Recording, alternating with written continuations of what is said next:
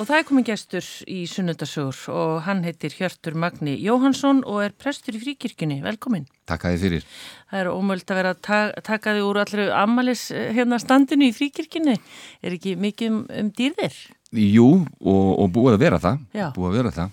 Við hérna, þetta er stórt afmáli, 120 ár Já, og hérna ven- við teljum okkur byrja það bara ágætlega vel. já, ummitt. En, eh, en hérna, afmáli, hérna er nú yfirstæðið að mestu Já, og við gáum út blad til að mynda með frettablaðinu, 16 síðna blad sem að við býðum fólkum að geima því að það er fullt af aðtikliverðum upplýsingum um fríkirkina. Já. Þannig er merku sögu. ummitt. í miðju og hjarta borgarinnar og, og búin að vera hluti af menningarlífi eh, borgarbúa í, í eins og segi, heila öld og 20 árum be- á betur. Já, bara svona fyrir þá sem ekki hérna þekkja fríkirkjuna, hún, er, hún stendur pínlítið svona, uh, hvað við segja svona, á öðrum stað heldur en eh, aðrar kirkjur. Hún er svona, hún ásóð svolítið svona sérlíf, er það ekki? Í, jú, eh, sko, jú, stendur það niður við tjötn, en, en hérna, eh, hún er fríkirkja, frjáls sem sagt frí frá ríki. Við höfum mikið talað fyrir aðskynna ríkis og kirkju og þegar hún var stopnuð, stopnuður og stopnaður ári 1899, við leifum okkur að, að hérna tala um að við höfum starfað á þremur öldum Já, þótt að einmitt. við byrjum svolítið seint á þeirri 19.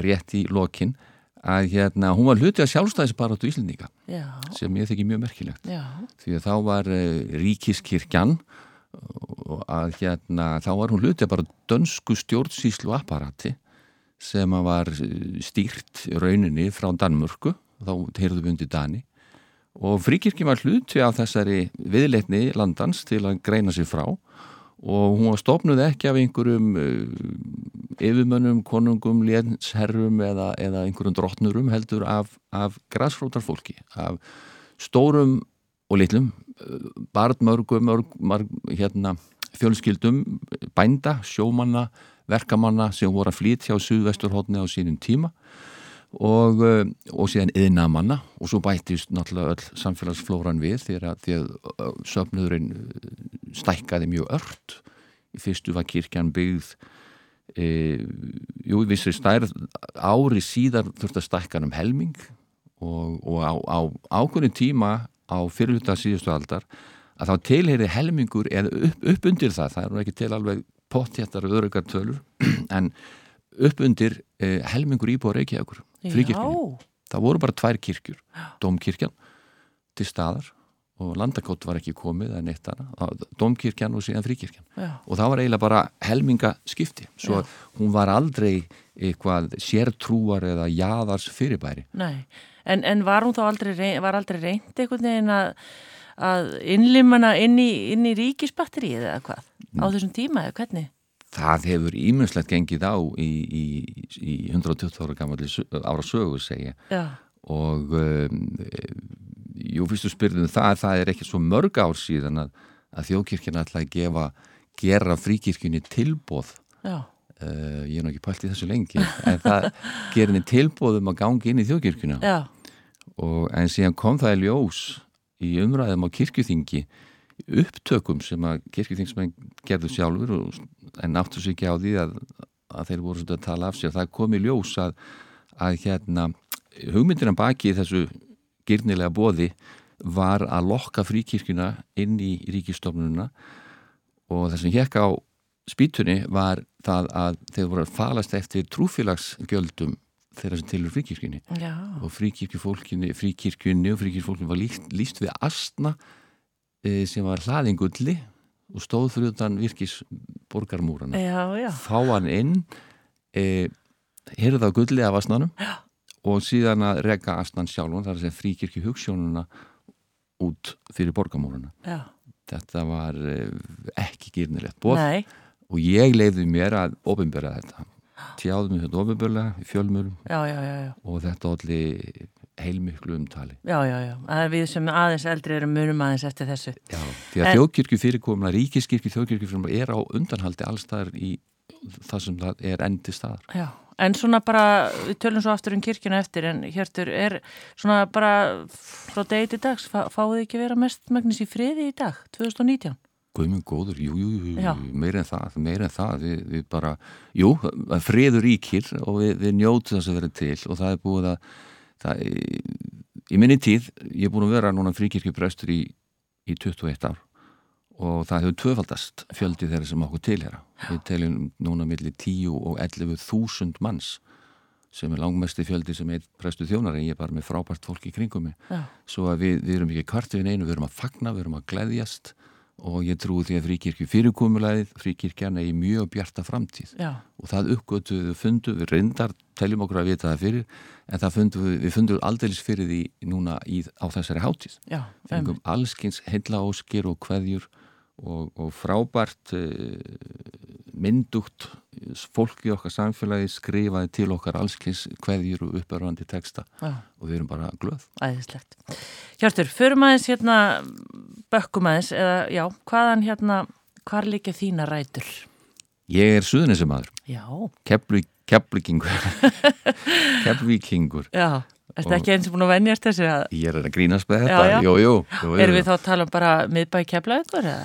Eh, Vassnesið, Já, Vassnesið, móður minn, móður, faðið minn eh, hérna var úr, úr borgarfyrinum en álst líka hlutu til upp hér í Reykjavík og ég á rætur í fríkirkjunni gegnum hann reyndar eh, en, en f- við getum komið að því síðar já, en hérna eh, á Vassnesinu, Vassnesi er, er litlanesi sem að greinir á milli Keflavíkur og Njárvíkur já, já, já, já. Og nú- Var þetta ykkur bóndabæri eða var þetta... Já, það var, kepl, það var, það var bíli, Vassnes bílið já, þar sem að var eh, útgerð og verslun og fleira og fleira e, og Jóhann og Bjartfríður voru þar e, móðu mín ólst þar upp og, eh, og hérna þau, mamma og pappi reistu síðan hús við heiðarvegin og svo reist hann annað hús vastensvegin þar við hliðina e, þannig að, að, jú, þetta er svona eh, í mínum huga hjartaði í keflaði kynni já, en hérna, það var á, mjög gott að alast þar upp já.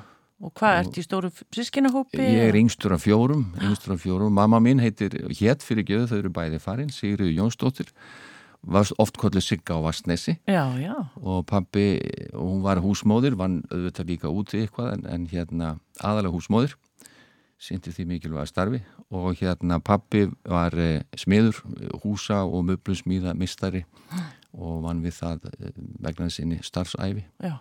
Og þau eru semst látin en þú ert Þau yngstur af bæði fjórum. látum- Já, já, og já.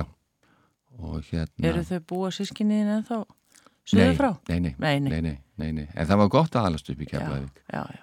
Og Ke Keflavík var nefnilega, sko, þegar ég var komin í háskólan að þá bjó á garði, ég var prófastur á nýja garði á sínum tíma, Já, að þá fann maður uh, svona, ekki neina neikvenni, en svona kannski stríðinis ströyma sem voru í að því að, að Keflavík væri, þar væri linmælta fólkið og þeir sem hafðu flosnað, flosnað upp úr sveitum landsins, þau fóru þarna á suðveisturhóðnið já, já. þetta væri eitthvað svona ekkert vola merkilegt Nei, nema náttúrulega auðvitað allar helstu popstjórnir landsins. þá fór maður í vörn þá fór maður í vörn Já, og hérna vildi svara þessum sveitadurgum já, og hérna benti á það að Keflavík og Suðunisinn voru strömbrjótur sko í, í, í tvennir merkingu, bæði strömbrjótur þeirra hafströyma sem að eru þarna allt í kring og, og hérna og líka strömbrjótur erlendra menningaráhrif já, einmitt. og ofan af velli Já. frá kananum Já, þau voru fyrst sem fengu hvíta sokkar ekki og tyggjó og allt þetta. allskins hluti Já. allskins hluti og þi- það var íminslega gott og, og uppbyggilegt og, og sem að ég vil meina að hafi valdið því að suðnusamenn, keflingingar og fleiri að þeir hafðu aðeins aðra lífsín og ég fann það þegar ég kom á garði og, og hitti aðra ekki það maður verið eitthvað einangraðar að það var aðeins víðari sín Já, og, og svona menningarlega upplifun, jújú, jú, poppið, poptónlistin Já. og allskins bandarisk áhrif, en svo líka ímislegt neikvætt, já, eins og þessi, hvað. þessi, kannski þessi drottnandi ameríska menning, Já, já, eh, hamborgararnir og McDonalds og allt þetta heila og svo líka hassið, já, dópið, einmitt. marihuana grasið og allt þetta. Já. Það kom fyrst náttúrulega þarna. Þeir sem stunduðu klúbana á vellinum og, og allt það og, og bjórinn Já, einmitt. lungu áður en hann dreifist einhversta, var að þá var honum smikla þarna, smigla já, já, já, bara já. Gat á yf- gyrðingunni. yfir eða undir gyrðingarnar já, já. Það, þú ert hvað, 50 og, ég er 58 mótel já, 58 mótil þannig að hérna, já, en var þá öll sem sagt eh, grunnskólagangan eh, ert í grunnskóla og það, þarna söður frá já, já, já og, og hérna fór síðan í fjölbrytaskóla Suðunisja, já, það voru svona fyrstu árgangarnir já, en ég, það var svolítið með óreglulegt hjá mér því að ég fór í biblíuskóla út í Englandi já. hvaðan kom þetta? Hvað, varstu þá strax einhvern veginn farin að huga því að þú gætir hugsaðar að verða prestur eða hvað?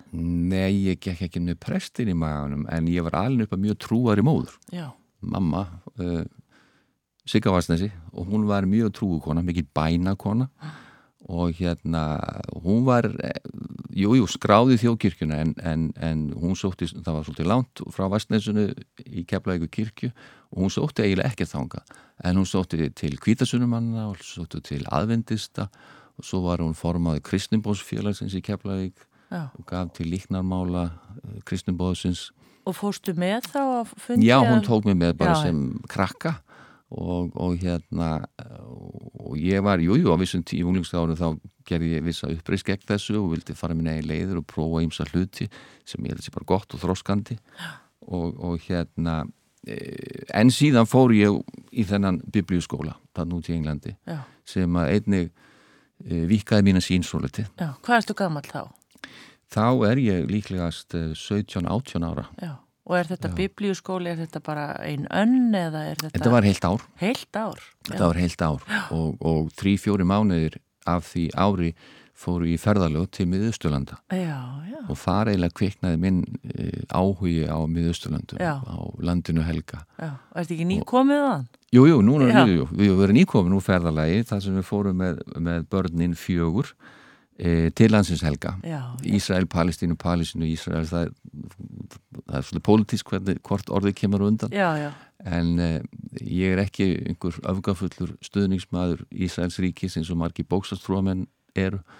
Eh, ég vil sjá þetta með hlutleisis augum. Það er ekki engar einfaldar lausnir eða útskýringar á þessu ástandis ríki þar. nei, En svæði er heillandi. já, einmitt. Þrátt fyrir bölið, kúunina, ránglætið að þá er þetta heillandi land. já, og þegar þú ferð þarna 17 ára, það lítur að vera, hafa verið daldið öðruvísi heldur en þú ferð núna með fjögur börnin og fjölskylduna. Aldeilis, Já. aldeilis, Já. það var alveg gífuleg upplifun og, og þessi biblíuskóli í Englandi, hann var svolítið svona e, bóstafstrúar, þetta var svolítið baptista kvítasunumanna áhæslur Já, já. og, eh, og hérna Og hvað er maður bara að leita svara? Er maður bara að fletta í biblíunni og, og Já. spyrja spurninga og eitthvað? Jú, jú, koma fyrirlesarar og, og hérna og hérna útskýra reikningarnar og svo framvegis og það að fara þarna suður eftir eh, var náttúrulega, þá fekk maður þetta beint í æð Já, það var svona sögu svið þeirra sagna sem maður er búin að lesa um og, og það, var, það var mikil trúalu upplifun já, en við fórum ekki bara til Ísrael, við, fórum, við kerðum við kerðum frá Englandi f- ferju yfir Ermasundir kerðum síðan niður allt Fraklandin í Sviss, þar brotnaði auksullin á, á, á matarbílnum síðan söð, yfir Alpana, söður alla Ítalíu, Brindisi þar tóku ferju til Kýpur Kýpur, Krít Ísrael, Egiptaland, þá ríkti stríðs ástandreindar á milli þeirra tvekja landa svo verðum að, að, að hérna, taka allt út töskunum okkar sem er myndi á að gaf íspendingum að við höfum verið í Ísrael og áðurum fórum til Egiptalands vorum í tjöldum já. og, og ég botlausum tjöldum þetta verið há sumar þannig að maður kynnti skordýva dýra lífinu alveg ágætlega já. og hérna, en þetta var upplifum fyrir lífstíð Ég trúi því. ég var, ég var húgt Já, en, en, þe- en tókstu þá sem sagt bara frí í eitt ár úr fjölbyrðarskólanum? Já. Já. Já, einmitt. en kláraði síðan fjölbröðuna á þremur og hálfu, hálfu ári Já, það er kosturum við fjölbreyta fyrirkomulegi Já. að þú ræður ferðinu svolítið sjálfur einmitt. Og hvað gerður þá? þá innreitaði ég mig ég, ég, ég kláraði mitt á sko, á haustun, svo sett um áramót og ég innreitaði mig strax í Guðfræna Já, og byrjaði svolítið á ská þar líka þannig að ég byrjaði, um- ég fekk að byrja á, um, um áramóti á vorun já. Og þá varstu ennþá bara, hérna, eh, vildir bara fræðast meira um, um Jú. fræðin en ekkert farin að hugsa um það að verða prestur eða hvað? Já, ég, sko, það var kannski einhver staðar þarna í bakþanganum en, en áhugminn á þessu var fyrst og fremst trúalögur, ekki að sækjast eftir einhverju starfi í ríkisstofnunin, eitthvað slíkt Nei, en, en jú, hugurinn náttúrulega beindist að því að vinna við eitthvað á þessu sviði já, og, uh, og fljótt eftir ég byrjaði í Guðfræðinni þá fekk ég styrk, skólastyrk til að fara til Jérúsalam já, og ég fekk bæði styrki frá, frá hérna sænsku kirkjunni og semuleiðis frá Ísraelska ríkinu þannig ég var við, við nám þar í, í rúm tvö ár en í svona bitum já, eitt heilt ár og svo þrjá, fjóra, fjóra, fimm mánuði í svona bita já, og uh, það var bæði við Hebreska háskólan þess að ég var í námi í, í Hebresku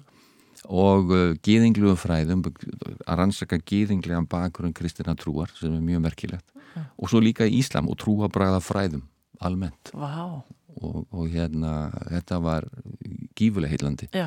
En, en svona átök og svona, var, var ég meina, fa- finnur maður ekkert fyrir því, á- fannstu, hvernig fannstu fyrir því á þessum tíma? Jújú, jú, það hérna, eh, ég á bæði palísi eða átti, það er náttúrulega svolítið langt liðið síðan þetta var og ég kannski ekki rækt, sam, rækt að sambandið eða samskiptin við alla þá sem ég kynntist þarna fyrst. En ég átti vini bæði með palístun araba og, og gýðinga Já, og palístu arabarnir eru náttúrulega flestir múslimar en eh, í þá daga, það hefur breyst að þessum 30-40 árum, að þá voru eh, mun fleiri uh, arabar kristnir en þeim hefur fækkað já, og það má ræða það og hérna, en þannig ég átti vini báðum, báðum einn og, og, og var hérna, það bara allt í lagi? já, já, það var allt í lagi Já, en, eh, en eh, ástandið er náttúrulega eldfimt og ég, guðmengu og jú, ég var eins og niður á leið í strætó strætó nummer 18 eh, við fórum með hún ég þurfti að taka tvo strætisvagna þar koma frá þeim stað þar sem ég bjó upp í Hebreska háskólan á Skópusfjalli og eh, það strætisvagna 18 sprakk hann sprakk. það var, það var sjálfsmórs sprengja Og hvar Eh, var Hjörtur Magni? ég var, eh, hafði ætlað mér að taka hann uh, tveimund tímum setna þannig að að- og, og þetta, ég hef ekki hugmynd um þetta uh, fyrir hennu kvöldið Mm.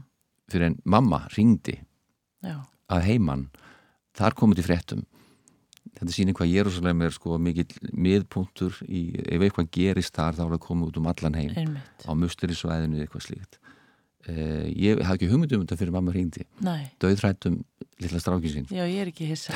Já, svo að hérna en hafði það áhrif á þig? Eða hvernig? í- já, já, já, en það er svo fyrrlega með þetta mannlíf þarna að, að hérna, þó að fólk búi við þessa spennu og palestínarabar við þessa kúun við þessa kúun tala nú ekki um gasasvæði, það var nú allt annað ástand þá heldur en núna, en bara kúun á vesturbakkanum, að þetta fólk og Ísraelin líka sem eru átt stöðugt í vörn að það hefur líka verið á þá ráðist og þeir eru margi hverjir afkomendur þeirra og jafnir, ég hitti fólk sem hefði verið í útrymingabúðunum, Ásvits og fleiri stöðum að þarna er viss ró, jújú, jú, fólk keðjur reykir og, og þú sér stressa á því, en þó býr það yfir einhverju einhverjum eiginleika að lifa í núinu Já, og, og bara lífsgleði innan daglega lífi að mér fannst Íslendingar oft miklu stressaðari hér uppi heldur en s- í samfélaginu þannig fyrir sunnan í, í Jérúsalem já,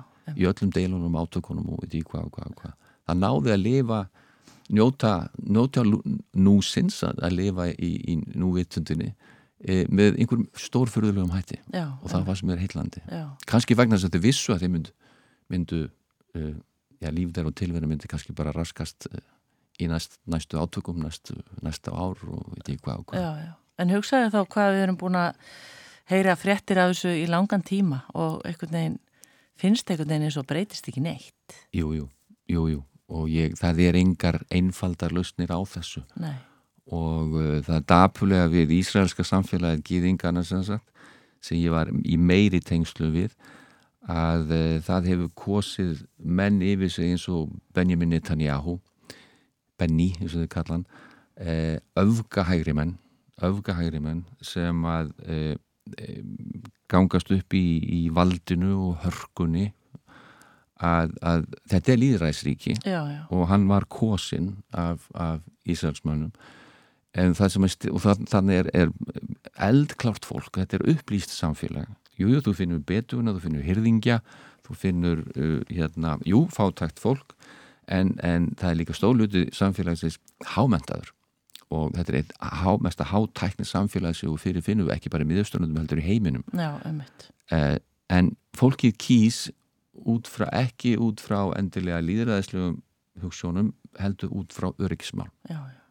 og það er bara Það treystir sem sagt. það, tre- það, það, það kýs það yfirvald yfir sig eða þá stjórnmálamenn til að vera eh, í forsvari sem að veita því mest öryggi Já, já, og þá er það ofta tíðum harkan já, já, já. og hernaðar mátturinn sem er látin tala og það er dabulegt, það er sorglegt því að þarna er líka e, arfleð, arfleð til að mynda gamla verkamannaflokksins þar sem að þeir voru þarna Ben Gurion, Golda Meir e, Simon Peres ég var, Einmitt. ég, var í, ég var í Askjölon þegar Simon Peres dó og ekki fyrir mörgum árum síðan var það einn og ákvað að fara bara með bakpók hann var einn að þvælast og var þá fóð sérn upp til Jérúsalem gaf smá pistil í rúf Já, já, um já. þetta og hérna, þar er mikil arfleifð sko líðræðis hugsunar og, og hérna upplýs samfélags en það fær ekki að njóta sín Nei, þetta er, þetta er nú efni í annan þátt, Já, Hjörtur. já, marga, marga þætti Já, marga þætti.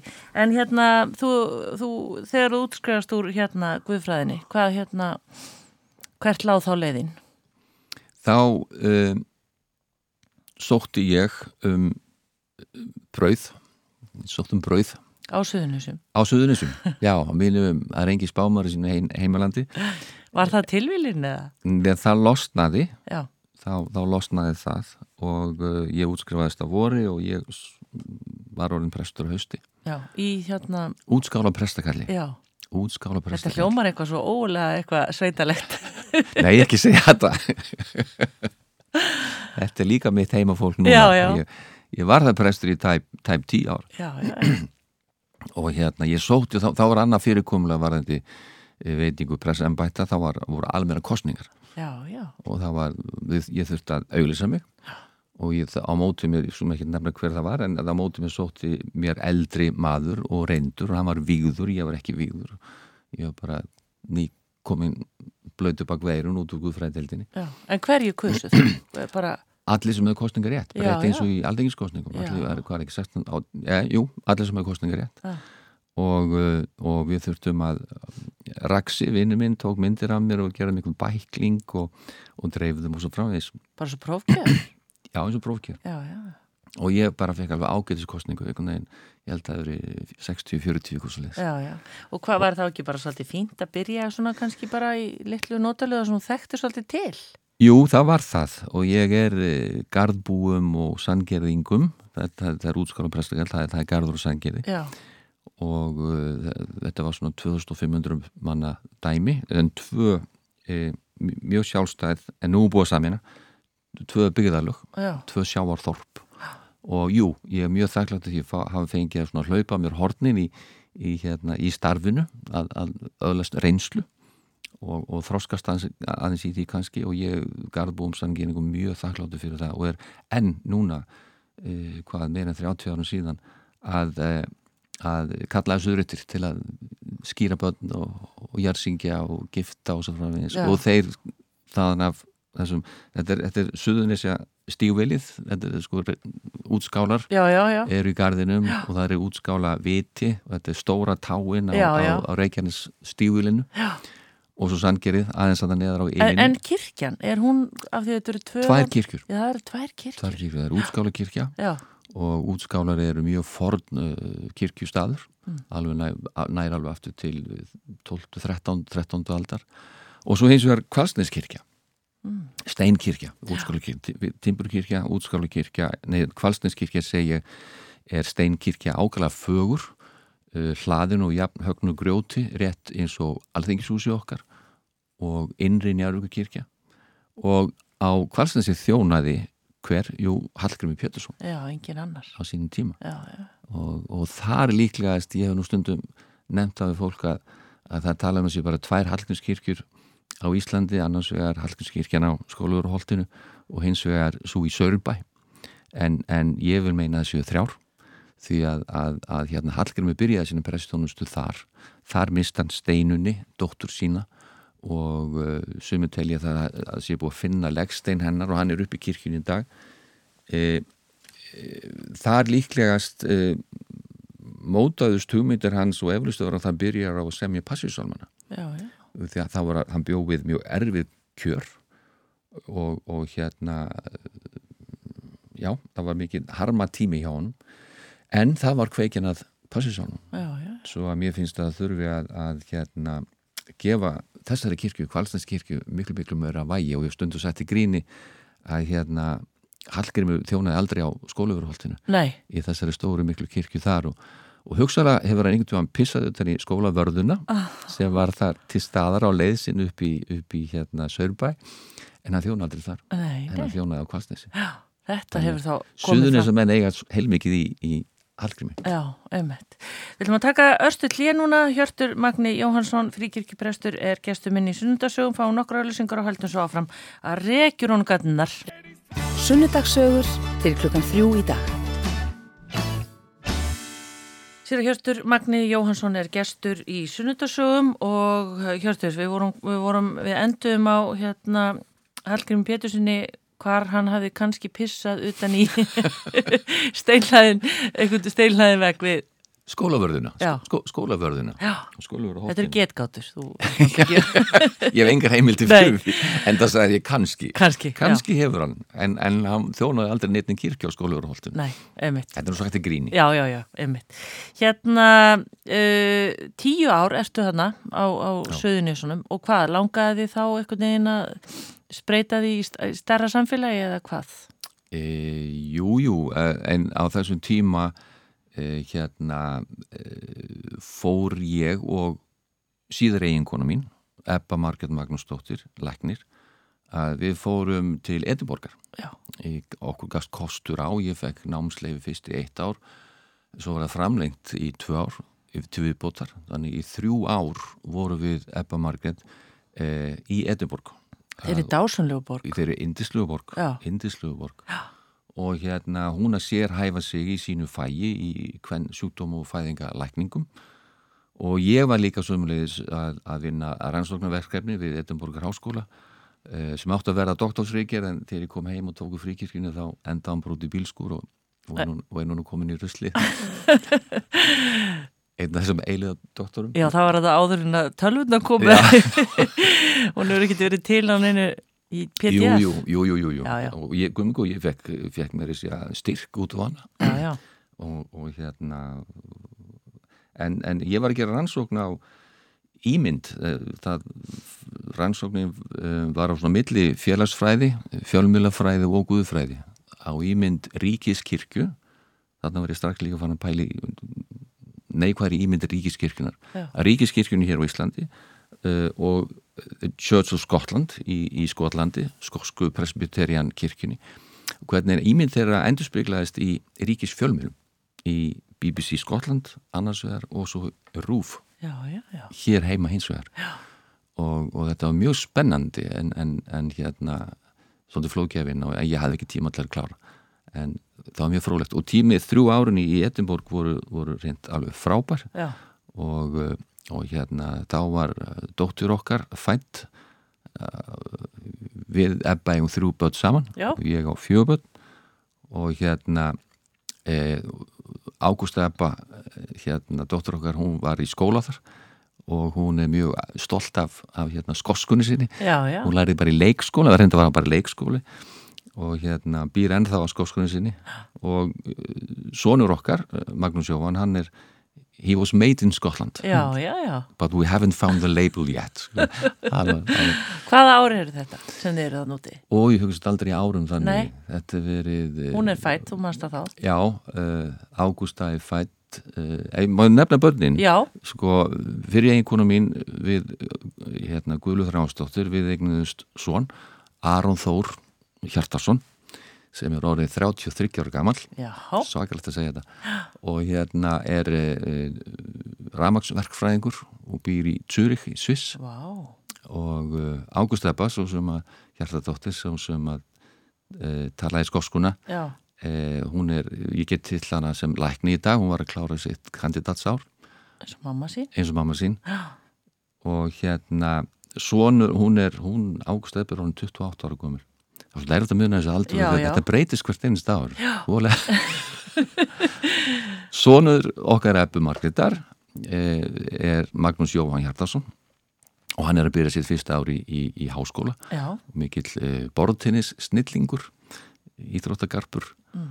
og hérna yngsta dóttir okkar Ruður Rebekka Hjartadóttir er, er í réttu, klára tíunda bekkin þar, Já. 15 ára mikill dansari, já, já, hann dansa í nokkrum uppfæslum í borgarleikúsinu en skemmtileg þannig að þið leiðin er að monta Já, með aðeins að auðvitað og borðin. hérna þannig að þið eru rík við erum rík, já, við erum rík en hvar kynntust þið?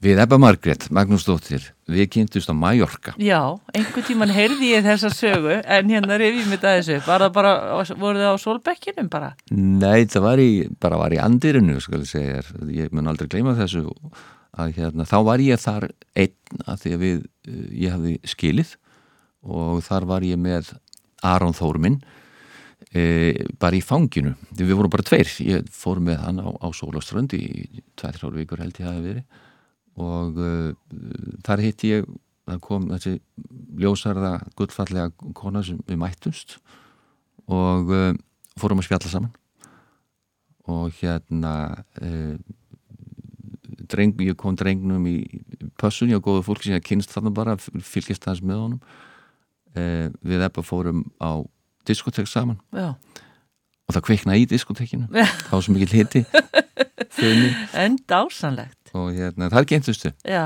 gaman og, uh, og hlutin gerast mjög hratt e, við vorum bara eh, fyrstu dagana eh, farin að tala um eh, framtíðaplön og basseignir og ég veit í hvað og hvað Já, já, bara sálu félagar frá fyrsta degi sálu fyrir að fyrsta degi og, eh, og hérna og Aron Þór var þar með okkur strax og eh, en síðan síðar í framhaldinu eignuðustu Ebba Margreth þrjúböld Já, og eh, og hérna eru bara mjög hafingjusum í dag já, með það já, vákvættir, þetta er rómatísk saga Með 30 ár Já, dásanlegt alveg Hjörtur, Já, þegar að hérna Edinborgardvölinni lauk var þá uh, verið auglýs eftir presti í fríkirkjunni eða eitthvað? Já það var, ég held að við höfum verið þar í tæft ár bara í framhald af eftir að við komum heim og þá var ólýstu til presti, já Og hvernig kostning var þá? Hvernig, Þá var það svona sapnað ráð sem að, að kaus já, uh, áður hafði verið svona ofnbæra kostningar í sömnir, menn það, ekki þetta sinn en það voru margir sem sóttum ég held að það voru 10-11 umsækjendur og, og hérna og þú þekktir til fríkirkjuna sagður ekki að það hefur einhver tengsli gegn pappa þinn? eða? Jú, mín, mín svona persónuleg tenging við fríkirkuna í Reykjavík eh, voru þau meðal annars að langama mín eh, Málfröð Magnúsdóttir, hún hafði starfað sem kirkjuvönu við þrif og kirkjuvöslu í fríkirkjunni í 30 ár og pappi, fæði minn, Jóhann Hjartason sem lesti fyrra, 97 árað aldri að eh, hann var þar, tókað þar í pilsfald ömmu sinnar þegar hún var að þrýfa, svo hann átti minningar og tengingar við fríkirkuna sömulegis líka Já, og var þetta eitthvað sem að þér var sagt? eða Já, hafðir- já, já. já, já, já. sem pappi hafði sagt mér var í þá daga þegar að það var kólaop sem að kynnti þessa stóru byggingu til Já. að mynda og, eh, og svo hafði ég aðstóðað fríkirkjuprest í, í einn vetur uh, Gunnar Björnsson já. í, í hérna í fermingafræslu, það var hluti að guðfræðináminu þannig að ég hafði aðeins kynst söfnuðinu Já. og ég hafði alltaf verið líka tengslu við mína rítgerð eða mín rannsóknir þannig út í Edinborg og fleira, alltaf verið mjög gaggrínin eh, á ríkiskirkju fyrirkomulegi og það að taka við fríkirkju eh, hendaði mér mjög vel, það samræmdist mjög mínum hugssjónum og, og minni, minni guðfræðilegu sín Já, og það eru svona margir umsækjendur. Það var fjöldi fólk sem sáttum Já, og, og gerður þið einhverja vonir? þjókirkjuprestar og kandidatar Já, eh, já og nei ég, ég bara, þú bara óðst út í djúpulauna? já já, Já, já já og það fór mjög vel já, ummitt. og það fór mjög vel Já, og síðan eru liðin, hvað það eru, 21, 21 ár, 21 ár.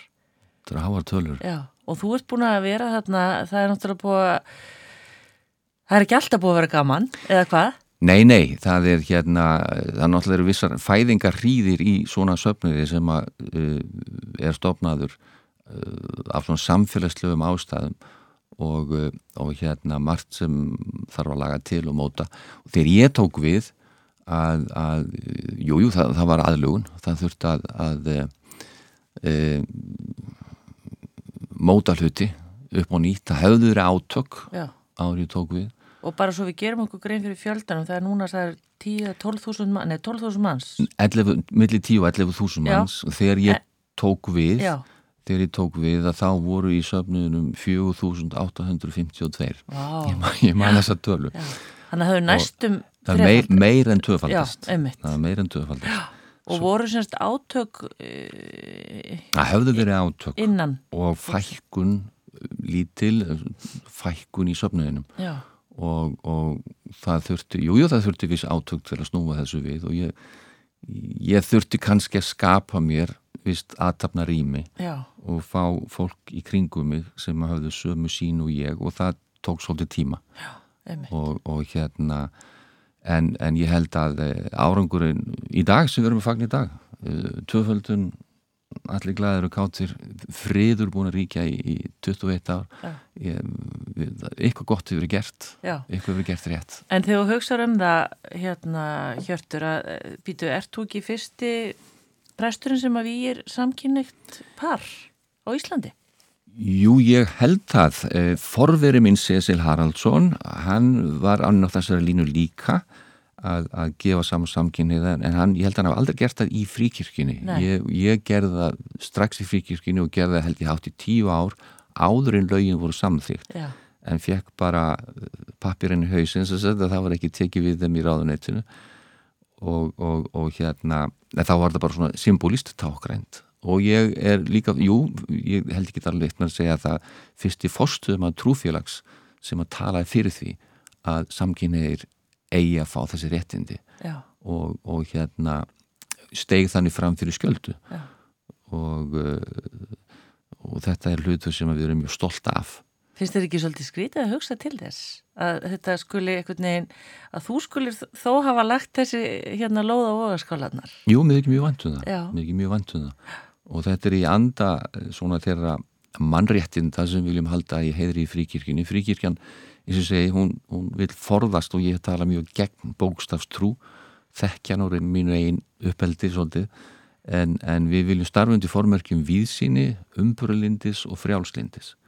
Og, og hérna það að samkynniði fái sama rétt og, og aðri til að gangi hjúskap og hjónaband að það er mjög í þeim anda Já, og, og ég var e, bara í gæri eða fyrrandag að ég jarðsingja einn litrísk, litríkasta e, samkynniða mann á Íslandi og e, þett setin kirkja og, og, og hérna við fögnuðum hans lífi já, við fögnuðum hans lífi Mm. en þetta tengis líka held í mínu e, minni, minni sín að, að ég lít líka svo á að e, ég, ég- já, hvað ég að segja að e, ég vil tengja saman trúabröðin að ég held að almætti Guð almáttur e, fara ekki manngreinar álit og, og hann hans vilja er að finna víðar heldur en bara innan kristninar já, einmitt. og ég vinn aðtapnir í, í fríkirkjunni með, með þeim sem að telja sér vera búttistar, þeim sem telja sér vera hindúar, e, gýðingar. Eitt sinn eh, tók ég það skref að lána safnaðarheimilið e, múslima, Já, múslima samfélagi sem að vera útíhýst úr því húsnaði sem það var að reyna að koma sér fyrir í. E, það vakti umtal já, Eh, en það held ég sé mjög að, í anda Jésu Krist ekki kannski þessi Jésu sem að stopnarnar upphefja og búa svolítið til í sínum hefðum heldur þessi Jésu Krist sem að gekk um Galilju á sandölunum hippalegi kallið mig síða skeggið já, og, og hérna ja, síða hárið allafana og hérna talaði við alla já, einmitt. talaði við hérna útskúfu, hérna forbóðunu, talaði við samvegsku konuna við brunnin, talaði við og umgekst og snerti hérna holdsveiku og, og nú er ekki líka einhverjum, já, eh, þeim sem voru á jæðrinu. Já, en Hjörtur, ertu þá að segja að semst að byggingin sem slík, bara kirkjan, er hún þá bara umbúðir fyrir það sem að fer fram þar inni? Auðvitað, Já, auðvitað. Kirkjan, kirkjan, þetta hugtak er reyni ávið samfélag fólks. Byggingin með turninum já, Alltaf er nú allir því það er bara umgjörð um, um þá sem að, að hérna, vilja safnast þar saman undir þeim formerkjum sem að er, er kristin trú, evangelist lútas kir, kirkja, rétti svo þjókirkjan það er engin trúarlegur munur þar á milli Nei. okkar áherslur eru allar innan þess evangelist lútaskra eh, en við leggjum áherslu á þessu víðu sín um umbörlindi og frjálslindi svo að, að hérna og við erum mjög og það held ég segi eina af ástæðum fyrir því það fjölgur svo mjög hjá okkur að, að meðan það hefur dreigið saman og fækkar annars þar já, einmitt að, að hérna, það er þessi opna sín Já. og flestir Íslendingar í dag e, er ekkert vola trú aðir eða trú ræknir og aldils ekki eftir einhverjum uppskriftum e, kredo eða trúar kenninga, trúarjátninga eða, eða framsetningu trúarstofnana en vel flest okkar erum andlega sinnuð já, já, einmitt á ennskun er þetta to be religious og annar, annar hlýðan er hitta to be spiritual og við erum, við erum og það er líka fjöldi þeirra sem skrá sig úr allum trúfjölum í dag, vitnar um það fólk vil ekki láta skilgreina sig sem eh, já, í einhverju trúfjöla eða að vera eitthvað vola trúaður því það er eiginlega neikvæð formerki þar já, en hins vegar að vera andlega þengjandi andlega sinnaður og hafa sína eigin hugmyndir um almættið eh, einhverja forsjón æðri mátt það held ég sem meira hluti þjóðarinnar já, einmitt og hann er ekki allur í þjóðkirkjunni, nei, nei, langt í frá en er fríkirkjan eina kirkjan sem stendur svona aðeins fyrir utan þetta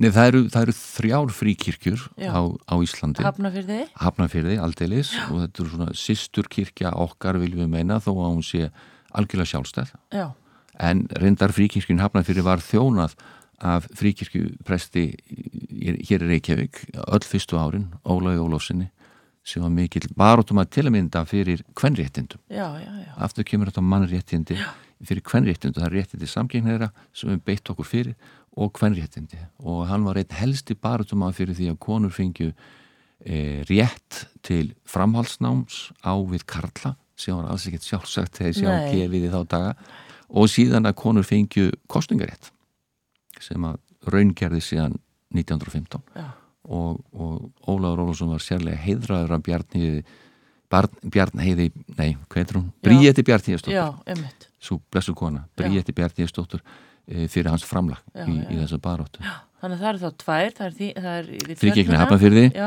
fríkirkni og við segja og síðan eru óháðusöfniður já, sem, alveg rétt sem var viss klopningur út frá fríkirkjunni við tjörnina eh, afleiðing presskostninga sem eru þar 1950 já, já, já, en í dag lítum við á uh, óháðasöfniðin rétt sem fríkirkjun hafna fyrir sem okkar sýstur kirkjur og við höfum alveg sömu sín og, og sömu markmið trúi ég. og En- starfi svona svolítið náið saman eða hvað Já, við eigum mjög gott sam, tónlistasamstarfi fríkirkjun hafna fyrir já, já, já, en þannig hefur hefur það bara þróast í dag það er engin svona stefna í því en það er bara þróast þannig í dag að eh, tónlistafólki í Hafnarfjörði vinnum mikið með okkur og okkar einstaki organistikuna Gunnarsson hann vinnur mikið með þeim já, já, já, sem einmitt. er bara verulega gott að blessa Ég ætlaði að mynda að tala um sko eins og fríkirkjan hérna við tjörnina, maður náttúrulega bara þetta er eiginlega frábært tónleik, tónleikasalur einstök, Já. einstök hljómburðurinn og það var þess var gætt líka þegar kirkjan var, var gerð upp svolítið uh, í- um síðustu aldamót að uh, það er engin teppi uh, og reyndar, sögulega séð var fríkirkjan einn helsti, einn helsti tónleik, tónleikasalur uh, í, í ára raðir, ára tugi í Reykjavík einn helsti samkómsalur og tónlistasalur vegna sína einstöku hljómgæða já, og það er arfleið sem við erum mjög ánað með og, og stolt af. já. Er hún opin fríkirkjan frá mótni til kvölds, ég meina allir útlendingarnir og allir sem eru nýri bæ, hvernig er þetta? Er ekki alltaf verið að rápa hann inn og út? Það er stöðugt tekið í húnin, Já, en við erum, og það sem við erum ekki á spenaríkisins, Já. við erum ekki ríkis, ég er ekki ríkisstarfsmaður eins og allir kollegamennu í þjóðkirkjunu eru, e, að þá eh, er fjármagn okkar ekki eins mikið og, og hinn að safna hana. Þannig að við höfum því miður ekki haft e, fjármagn til að það þurft að halda úti mannis, að halda úti kirkjuverði til að vera til staðar. Jú, við höfum reynd þetta, við höfum gert það að einhverju leiti yfir sumamánuðina, miðjan daginn og það gef, gefur mjög góð raun og Já, það, já. þá streymir fólkin og það væri voða gaman að geta bara haft opið auðvita, og leift fólki, en ég skil það vel. Þetta er auðvita. En svo er bara, svo er bara talsvægt mikið að gera, það er, eh, eins og ég segi, maður sér að aðtapnir þarna alveg, já, nánast þegar maður keirir lækjagötuna, það er mikið um að vera. kirkjunni. Það er mi- mjög mikið um að vera. Og nú er að nálgast þessi tími aðvendan, Já. aðvendan og jólin. Hva, hvað svona leggir þið upp með á þessum tíma? Eða þú veist, hvað, hvað svona hafið þið einhvern veginn í heiðri? Ó, guð mig góður, það er hérna, e, það er svo mikla anstæður á föstunni og að, á, jól, á aðvendun, aðvenda á að vera föstu tími til að mynda. Já. Þegar við fyrir með öll jólahlaðborðum. við, við borðum aldrei eins mikið eins og, eins og, eins og á jólaföstunni. Nei, En hérna, jú, jú, það er helgi, ég meina við erum öll jólabötnið það ekki Jú, og- jú. og þessi niðurtalning dagana, þetta er í okkur öllum já, og, uh, en í, í fríkirkjunni þá er það tónlistin já, sem að, að það, það er mikið sótt um að koma, uh, að tónlistafólk sæki mikið í það og um það að fá að, að vera með tónleika í fríkirkjunni Já. og það eru bara held ég sumar vikunar, bara flest allir dagar uppteknir Já. og, og það eru allskins tónlist, jú, við reynum að kannski velja úr að það sé ekki, ekki mikið þungar okkur Nei, nei. eða, eða ekki að það sé eitthvað slæmt en bara eitthvað sem hæfir Já. og, er í, og og vonandi í einhverju jólaanda og við, okkur þykir mjög vantu það já. og við bara njótu þess að skreita okkur með því að, að fá sem fjölbreyttastu flóru og, og bæði háklassisk tónlist og sem og, og dægur og pop og ég veit ekki hvað og hvað Dásanlegt alveg. þetta er bara auðgandi það er, það er fjölbreytileiki mannlífsins sem er svo heillandi Já, í, í þessu starfi já. Hjörtur, aðeins að þér svona persónlega, hvað hérna, þið náttúrulega eins og ég sagði á hann, þið eru nýkomin úr ferðalagi, gerir þið þetta mikið, farið þið öll saman í, í ferðalög? e, ekki öll saman því að náttúrulega þau tvö Aron Þór og, og, og Ágústa Ebba eru bæði ára fullorðin eins Já. og maður segir Já. og jú, jú, Magnús Jón 21 árs en, en þetta er eina skipti sem að við höfum farið að ég held með allan hópin e, þarna til landsins helga en jú, ef að við Ebba Margrét þurfum að kvíla okkur sem að við þurfum að ég oftar að gera núna því það er búið að vera mikið álag, hún er formaður læknaráðs Einmitt. landsbítalans til að mynda og, og hérna bara og hefur mjög mikið að gera í sínum störum að þá reynum, við- þá förum við litt út Já, og uh, bara reynum, slökk við á öllu og kvílið ykkur. að, reynum að hoppa eitthvað út Já. og hérna, eða vísu er ég alltaf með síman og tölum en hérna, okkur þykir það best Já. að komast í annað umhverfi Já. eða í einhvern stjættafélags sumabústað út á landi Já, einmitt. En svona, og er það áhuga mál, eru þau í útivist eða hvað er það að gera? Bara, gera ekki neitt? Ebba syndir mikið Já. hún, hún er fasta gestur í sundlóðunum og hún syndir svo til hvern einasta dag Já, það er hennar, hennar útrás Já. uh, ég geng já, ég geng, Esjan er er hérna mín vinkona já, já. Hvað ertu lengi upp á steini?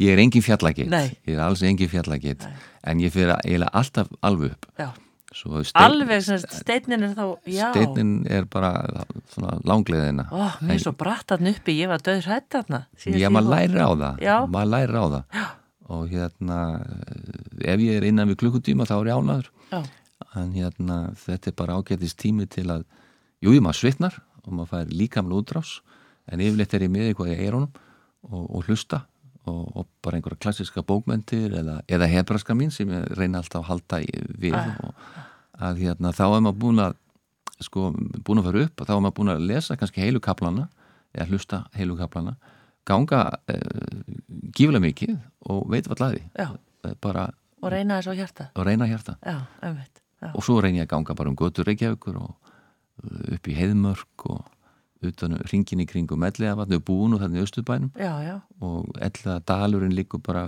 svona fyrir augum okkar, við horfum, von á hann, á- horfum á hann og ganga hann upp og allarlega upp og ringin í kringum Elliðavatn það er mjög góð ganga já, það frábært. var þryggja, tveggja, þryggja tíma Já.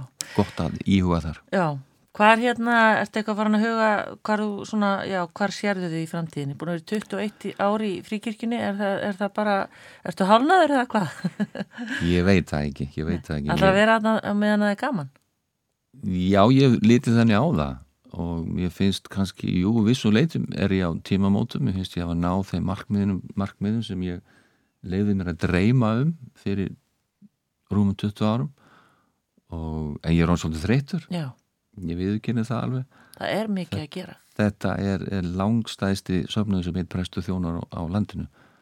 Ég held að ég mætti segja ef þetta væri þjókirkju söfnuðu þá væri starfandi tveir ef ekki þrýr presta Já, allavega tvöhald hlutfall og, uh, Og nú er svo það mikið getur tækni. verið líðandi og það er, Já. engin, það er engin ómissandi Nei, og ég er að reyna að samfara sjálf með um það sko. já, já, nei, en, en ég er ekki, en, en sko það er líka bara svo mikið talað í dag um bara fólk keirir á vekk og það bara Jú. vinnur og vinnur og hamast og hamast og svo bara, eins og ég segi, Jú. klessir það á vekkin. Jú, jú A- maður ég er að ég veit það, Það er ekki að hækka bara sóknargjöldi þannig að ég ætla að ráða hann aðstofaprest. við hérna jú, jú, það, það við þurfum að gera eitthvað Já, við þurfum að gera eitthvað, ég fann að finna það bara á eigin kroppi og, og hérna að eh, við þurfum að gera einhver rástæðinu, það verður auðvelt það, við finnum bara einhver, það er líka ég hef núna undanfæri líka haft alveg frábært fólk e, til að, sem ég get vísað á já, og, og hérna eh, presta, guðfræðinga sem eru í kringum okkur og, og eru búin að vera mjög elskuleitt þannig að þessi miklu törn sem er núna undarfari að ég get að leita til og er mjög þakklátur já. svo Þannig- ég, ég kvíði því ekkert Nei. að, að, að, hérna, það er bara að finna réttu leiðina Já, já, og Hjörtur Magni, þetta er í rauninni lúksusvandamál. já, Þú, þú ert Já. ekki að berjast við það að reyna, hérna, þetta er, já, já, mikið rétt já, mikið rétt og, en maður þarf að passa sig eins og þú segir jú þetta að eh, kulnun í starfi og allt þetta heila að eh, það er mjög víða og, og, og hérna getur alveg komið fyrir mig eins og aðra já, um þetta. Takk fyrir komuna í sunndasögur og gangi er vel í þínu starfi, þúsund takkir fríkirkjunni, og hérna, sjáum hvert, hérna, lífi leiðir okkur. Já. Kemur bara allt í ljós. aldrei leist, takklæti, takklæti, Takk, Læti, takk fyrir Hjörtur Magni. takk Hún er komin til mín, hún Unnur Valdís Kristjánsdóttir, hönnuður. Velkomin. Takk. Unnur, þú ert hönnuður, uh, eigum við ekki að segja, ætlu þú sért ekki þekktust fyrir flótettuna? Mm. Jú, allir það ekki. Það er svona verkefni sem ég er líka búin að vera í síðustu sjö ár og svona verkefni sem að hefur bara tekið ótrúlegari svona skemmtileg þróun og, og, og, og svona smittast út í samfélagið. Já, emmi. Þannig að- Ertu hérna, er flótettan til í útlöndum eða er þetta íslenskt fyrirbæri eða er þetta bara þín hugmynd? Flótetan er algjörlega íslenskt fyrirbæri og það fær held ég engin svona hugmynd nema að vera íslendingur sem er alin upp í sundlegum að búa til svona höfufat til að fljóta. Já. Þannig að hún er al íslensk. Já, þetta vissi ég ekki. Já, frábært og, og hérna, og ætlar að segja okkur í þessu viðtali hvernig þú fjast þessa hugmynd. En við skulum aðeins svona, hérna, byrja á byrjuninni. Hvar, hvar hérna, ert þú fætt og uppalinn? Herði, ég er fætt í, í Reykjavík, uh, í hlýðunum, uh, var þar, uh, ég gekk í hlýðaskóla. Hvaða árgjör ertu? Ég er 1972. Já, Ah. var það ekki alltaf rólegt og með kjörum kjörum í, í hlýðanum? Ó, guð, svo fallegt. Allir út að leika öll, alla daga. Svona indislega æska. Já, Já, ég er yngst þryggja sískina, Já, þannig að hérna, já, bara fjörugt og bjó í svona hálgjöru fjölskyldu húsi, e, bara, já, yndislega góð æska, Já. falleg. og í hvaða sundlu fóstu þá unnur? Þá er það sundhöllin, en svolítið langt að fara. E, það er kannski ekki eins og, og kannski mín kynst og líka, kannski tengir það ekki, þú veist, alveg sömu sundkjensla í þá daga, Nei. var kannski ekki dvoðalega aðlagandi. Og alltaf þetta rauðu tegnar upp úr og, og gullu tegnar upp úr og allt þetta. Ha, og svona einhvern veginn svona þessi brjálu, brjáluðu sundkennarar og, og hérna baðverðir já, vá, það ha. er margi minningar. en það er nú reynda margir farnir að sakna þeirra í dag Ummi, það voru á klossónum með stóru liklakippunar. aha, aha, Og- emmitt Já, en hvað hérna varstu íþróttastelpa eða? uh, já, ég var svona kannski svona meira fótbolta og handbolta stelpa Í var svona, þá? já, þó ég hafi verið þetta ótrúlega rólega hérna þægilega barn þá hefur verið eitthvað svona keppniskap í mér Já. svona, Og ég náðurðu- sótti í það Já, náður eitthvað langt þar? eða? Nei, nei, elska mín, ekkert, nei, nei, Nei. ekkert, ekkert að viti. Nei, en Mm. það hefur verið þá stutt að fara í, á valsvellin? Já, já, já, já, já, já, stutt að fara. En svo reyndar sko hérna ákveðu fóreldra mínir að, uh, að gera svona frumbyggjar, byggja upp í hérna, hús upp í ártúnsaldi. Já, Þannig ég flytt þangað, 12 ára.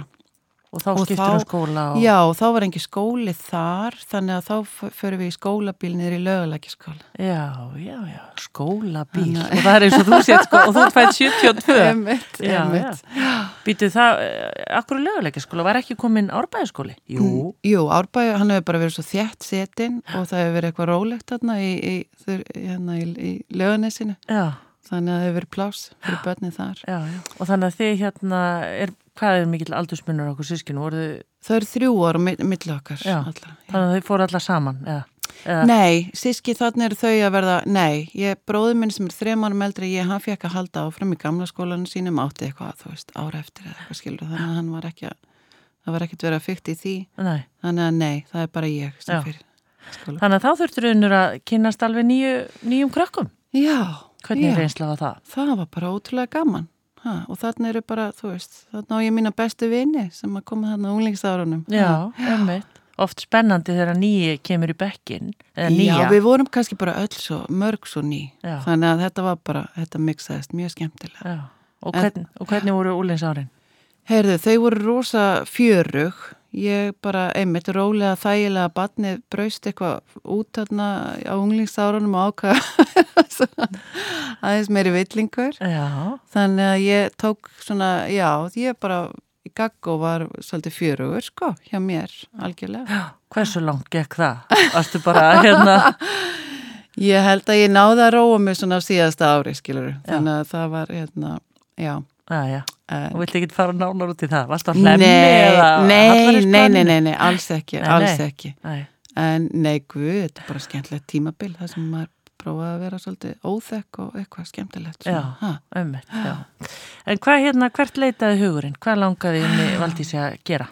Sko, unnivaldist var bara ágætis svona námskona og allt það, en, en svo gerist það að bara einmitt í, í þá nýjöndabekk, síðasta árið í Gaggó, að þá hérna er mér bóðið að taka þátt í fyrirsætukeppni, elitkeppninni, uh, og þá einhvern veginn slýsast ég bara inn í einhvern heim sem að ég fe- var svolítið först í næstu f- sex árin eða svo Já, og þannig að ég tek þátt í þessari keppni og bara uh, og hérna vinn hana og, og fer til uh, í svona aðra keppni út í Japan og þá er bara komin einhver bolti af stað skilur já. og hérna Og þá, þá er ekkit svona skóli í fjarnámi eða ertu þá bara komin inn í þennan heim? þá er ég bara komin inn í hennan heim og, og hann er náttúrulega spennandi og mér fannst ég, það kveikti rosalega í mér ferðalög.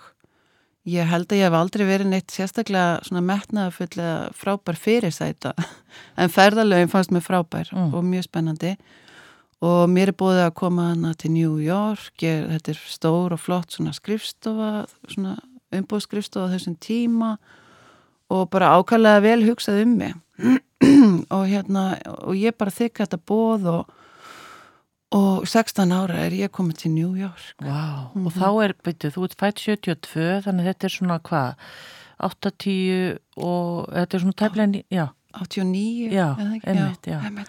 og þá bara hringt heim í mamma og pappa eða, Já, bara, þú veist, eh, á tíu dagar fresti eða eitthvað líka við, skilur þetta var einhvern veginn, það voru öðruvísi tímar Já. ha, en segðu okkur aðeins frá svona heiminum, hvernig, ég menna, varstu í íbúð með, oft heyri maður að það að margi búa saman og, Einmitt, einmitt, það var svo, svona fyrirkomulæð sem ég fór inn í, já, það var svona margir saman en hver bara ábyrðina?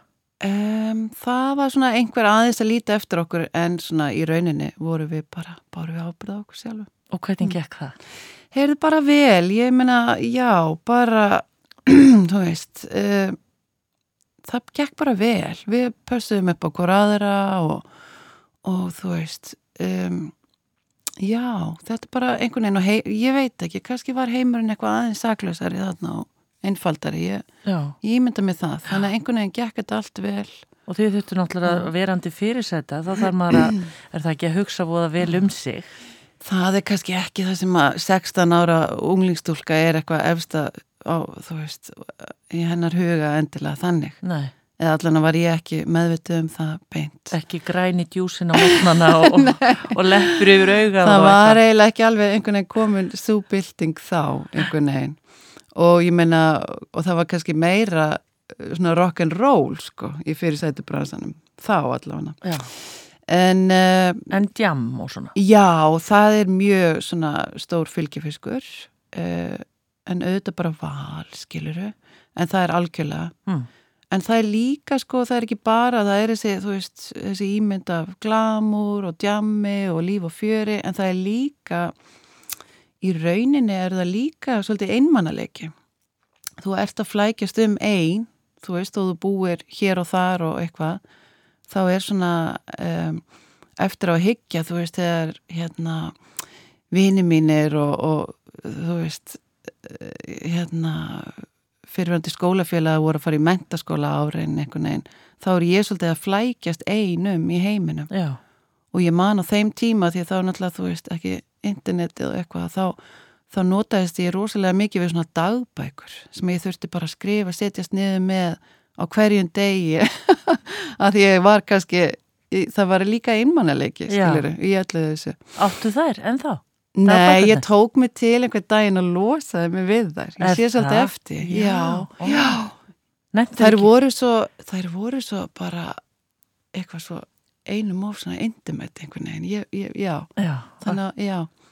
já, en þetta var þín leið unnur til að bara vinna buga á einmannleika. Já, en ég er ekkert að segja að ég hefði verið að þjást eitthvað mikið af einmannleika. En þetta er svona, kannski það er ekki oft talað um þetta, þennan hluta af Nei. þessu flökkulífi, Nei. fyrirsætunar. Einmitt.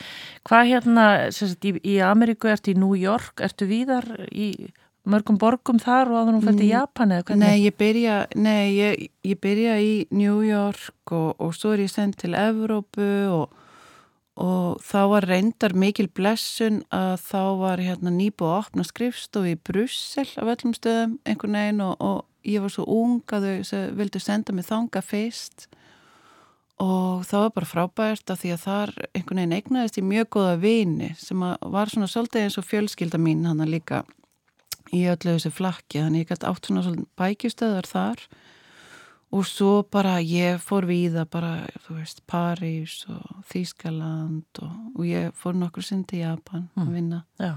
Þannig að Þannig að- þekkjuru, er þetta allt svona, þú kemur á þessa staði, er þetta svona, þekkjuru þig, bjóstu það lengi að þú náðu svona einhvern veginn að festa svolítið rætur? Já, ég var samt svo mikið flökkudýr og ég var svolítið svona lent í smá vandræðum svona svona professionally að því að ég var stundum ekki nógu lengi á hverjum stað. Nei. Þau voru ekki, ekki alveg nógu ána með það en ég var bara daldið hungruð í að, í að nýta þetta í að ferðast og skoða heiminn.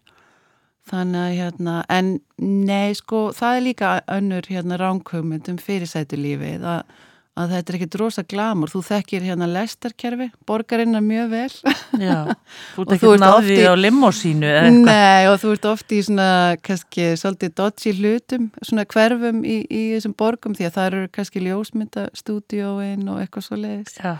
Þannig að hérna, jú, jú, þetta lærur inn á þessar borgir því að þú ert að flækjast um þar allan daginn, Já, um. en ekkit, þetta er ekkit bara á fínustu stöðum í, Mm. í þessum fallegu borgum. Nei. Hvað með launin? Þjena eru vel? Uh, já, ég bara þjónaði ágætlega þannig en ég var samt ekkert, eins og ég segi, ég var svo hérna, upptekinn bara af þessum ferðalögum og ég fór sjálf mikið í svona auka ferðalög, tók, þú veist, langt bakpoka ferðalag um Indonésiu og þannig ég var ekki svona, kannski neitt rosalega skinnsemi í því, Nei. en jú, jú, það er svo sannlega peningar í Já. þessum bransa. Lagður ekki til liðarunnur? Nei, unnur var ekki alveg svo típa, þessi, þessi unga unnur, nei. Einmitt. Nei. Hvað hérna, hvað er þetta, hvað eru þetta mörg ár? Þetta eru svona 6-7 ár. Og þá Það ertu- tek svona smá hlýja líka, kem heim og já. Já, einmitt. En fórst svo aftur, þángar til þú segir bara, er þetta þín ákvörðin að segja, heyrðu, nú er þetta búið með þennan gabla. Já, ég var orðin bara þreytt ung kona. Ég var orðin, þetta var mikið rótleysi og ég var fann að finna fyrir því einhvern veginn og, og hérna, þannig að ég, já, ég, ég bara teka ákvörðin, Já. þetta er orðið gott. Og stóðst með þér. Já, já, já, já, það var ekki derfitt, sko. Nei. Mm. Og hvar varstu þá? Varstu í, þegar þú tókst ákvörðinna? Ég endaði, það, er- ég held ég endaði í New York líka, þar sem ég byrjaði. Já. Og langaði þið þá bara heim til Íslands eða hvað vildirðu gera? Já, þá langaði mig bara heim til Íslands, já. Og ég skal alveg viðkynna að þegar ég kem heim og þá var, kem, tekur við svona tímabil, þú veist, sem að ég er svolítið tínt. Það er alveg pínu skrítið að því að, þú veist, mentunin hefði aðeins svona farið. Já. En mundu skorðum? vinindir eftir þér? Já, auðvitað, auðvitað. Svo góða vini að það hefur aldrei sakað þó maður hverfi eitthvað aðeins, einmitt. tímabundið. Og hvað fórst að gera? Fórstu í... Heyrðu, þá tók einmitt við þetta smá týnda tímabilið þar sem að ég var bara, hvað ætla ég að verða því ég er stór? og fannst svona, hérna, ég vera einhvern veginn á eftir á einhver, öllum, einhvern veginn. Það voru allir komni með eitthvað í gang og ég var bara svolítið svona einhvern veginn á byrjunarreitt Já, og þá kemur svona tímabil sem að ég er ekkert í opaslega góðum málum og, og ég var opaslega ósátt við tíman sem ég hefði eitt í fyrirsætu störfin skilur og ég svona hálfpartin skammaðis mér fyrir það og reyndi einhvern veginn að að láta eins og það hef ekki átt sér stað einhvern veginn og, og hérna þrátt fyrir öll ferðalögin og allt sem hún lærðir og gerðir. elska mín. Þarna var ég bara einhvern veginn, uh, já, ég er alveg búin að fara hringin og, og búin að sættast við þetta og líta á þessi mikla blessun í dag að hafa fengið þetta tækifæri Mm. og þessa reynslu já. og bara hefur nýst mér ótrúlega Já. vel í, í mínu starfi í dag. En þarna áttaður þið ekki á því. Nei, þarna var ég bara, eh, nei, þarna var svona tímabil sem að ég var einhvern veginn í flækju með þetta allt saman. Mm. Varst alltaf einu eða áttur kærasta eða þarna eða... Já, já, ég hef nú átt einhverja kærasta, svona Já. í gegnum tíðina. En ekkert Mm. búin að festa ráðir, neitt. Þarna, Já, E, nei, en ég samt fljótlega eftir að ég lík hann að fyrirsætu ferlinum þá, jú, eignast ég kærasta og, og verða ófrísk að mínu fyrsta barni. já. Mm. Þannig að þá var nú komið aldrei slutverki. Þá var hún komin með bara ábyrða hlutverk. Ha? Já, Um, já, en svo fer ég einmitt, að- ég fer að þreyfa fyrir mér og auðvitað mitt áhugast við hefur alltaf li, svona verið eitthvað tengt skapandi greinum og hérna, og ég fer að læra ljósmyndun og það lá nú svona, það var frekar svona lá beint við, búin að vera fyrir framamyndavelna, svona auðvelt umhverfi og hérna en svo finn ég einhvern veginn það þegar ég er búin að klára það að nám einhvern veginn að, að- að svona að svona starta kannski einhvern ferli því var ekkert, fannst mér ekki mjög spennandi. nei. Hvernig, hver lærið maður ljósmyndun á þessum tíma? Já, og þarna á þessum tíma er Sissa, byrjuð með ljósmyndaskólan sinn Já. sem að er bara hefur þróast og er held ég alveg frábær skóli Já, í dag. já. En það ég sess að fór í gegnum það nám hjá henni. Já, og þetta er þannig á þeim tíma áður en að einhvern veginn, af því ég veit að ljósmyndarar það hefur breyst svo mikið, ég var nú Mm. nýlega með hann Haug Snorarsson í viðtali hérna mm Mhm. -hmm. það var myndi að segja, þú veist, þetta er bara algjörlega nýr veruleik í dag, Já, emmitt. en á þessum tíma var myrkraherbyggi og Þarna, já, ég læri þannig. ég læri svona gamaldags já, í myrkraherbyggja. Og það fannst mér æðislegt og, og þú veist, það er aldrei að vita nema ég taki upp, þú veist, vélinn aftur einhvern veginn og, og þetta, þetta er aðna og, já, og sama sem ég segi, svo þegar ég svona finn minn stað og, og fer að læra fyrir hönnun, vöruhönnun í listaháskólanum, þá var þetta að nýtast mér ótrúlega vel. já, ummitt en hvernig þú veist að taka myndir og svona varstu þá verandi sjálf með fyrirsættur einsluna, var það fólk eða hver, hvernig mótíf voru Já, svona það sem þín? að heitlaði mig var, me- var mest svona fólk og svolítið svona listræn ljósmyndun. Þess vegna held ég líka að hafi verið svona, ég s- ekki sé það alveg fyrir mér að, að gera það einhverju ferli. Nei. Þá, því að þú veist, eftir ég útskriði þá er ég bara, eh, þá var ég ekki til í fermingamyndatökur og allt þetta, skilur. þannig að þú Þannig- dreifsti þá í listaháskólan Í- Þannig að það kemur, já, ekki alveg kannski strax, ég átti eftir að fara eitthvað já, aðeins. Ég vann um tíma í spakmansbjöru. bara við afgræslu Afgreðslu, já, frábær tími, æðislega gaman og bara alltaf flotta sem að hérna, þær hafa verið að gera Og og það eru hafa- enn að, já. Já, aldrei hönnun þar. heldur betur, ótrúlega gaman. Um, svo fyrir ég að vinna á þjóðminjasafninu, já, ég tek við veslunarrekstri í sabbúð þjóðminjasafnsins. Ó, hún er svo falleg. Já, já, Já. indisleg. Það var líka annað ótrúlega spennandi umhverfi Já, og, og fá að kynnast menningararfinu enn og vinna með hann. Já, uh, bara aðeins að rifja það upp er hvað er til sölu þar?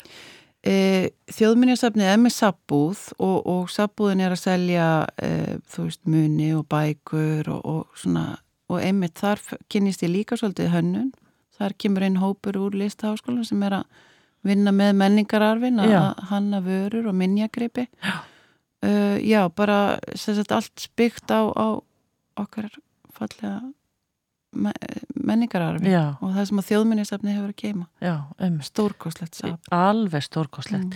Hérna, áttu þarna á þessum tíma uh, eitt bann? Eða? Já, Já. þarna á ég eitt barn og það er strákur sem að, Það er strákur, já, þannig að Kristján minn, já, frumburðurinn minn. og hann er þá hvað gammal í dag. Kristján er uh, 20, að verða 24 ára. Já, það er stór og, og, og ungu maður í dag. Já, já, mjög flottir strákur. Já, og ertu þarna í sambúð? Nei, þannig er ég ekki í sambúð. Mm. Einstæð En móðir eða er, sjálfstæð móðir? En e, einmitt, þannig á, er að kynnast, jú, manninu mínum í dag. Já, hvað heitir hann? Hann heitir Einar Gilvarsson Já, og hann er líka hönnur, Hann- grafískur hönnur. Uh, Einar á tvo stráka fyrir og ég einn og þarna f- hef ég við sambúð, eitthvað um þetta leitiði mitt. Já. Ég er að vinna hann í spagmaspyrum. Og hérna, já, og svo síðan þá erum við búin að búa til einn, einn annan drengin. þannig að það eru fjóri Það strákar. eru fjóri strákar, fjóri frábæri strákar. Já, á aldrinu 16 til 24. já. Það gengur mikið á. gengur mikið á, mikið líf og fjör en þetta eru bara frábæri strákar og, og hérna allir bara brillera í sínu Já, ummitt. Mm.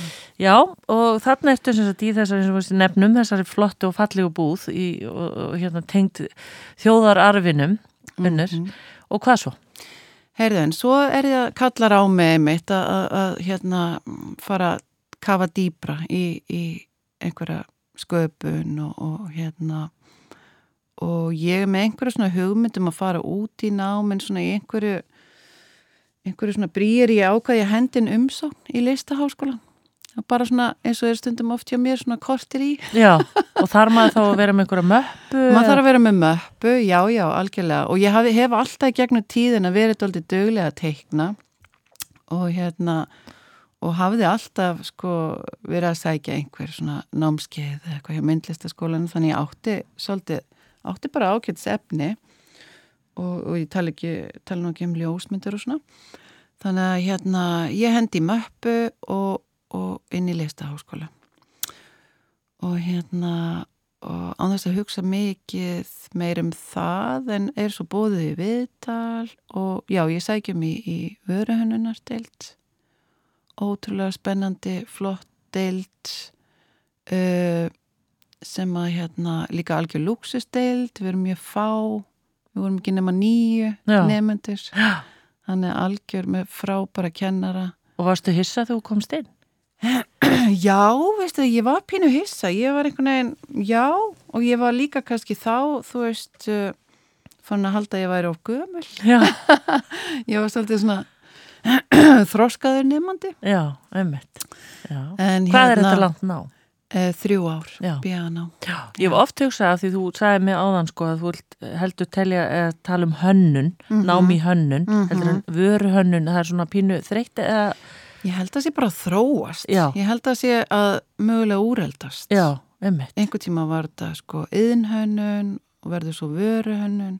Ég held að við getum sagt bara hönnun Já. í dag. En ég meina hvert er sko viðfónsefnið? Er maður bara hanna, ég meina kemur bara allt í greina?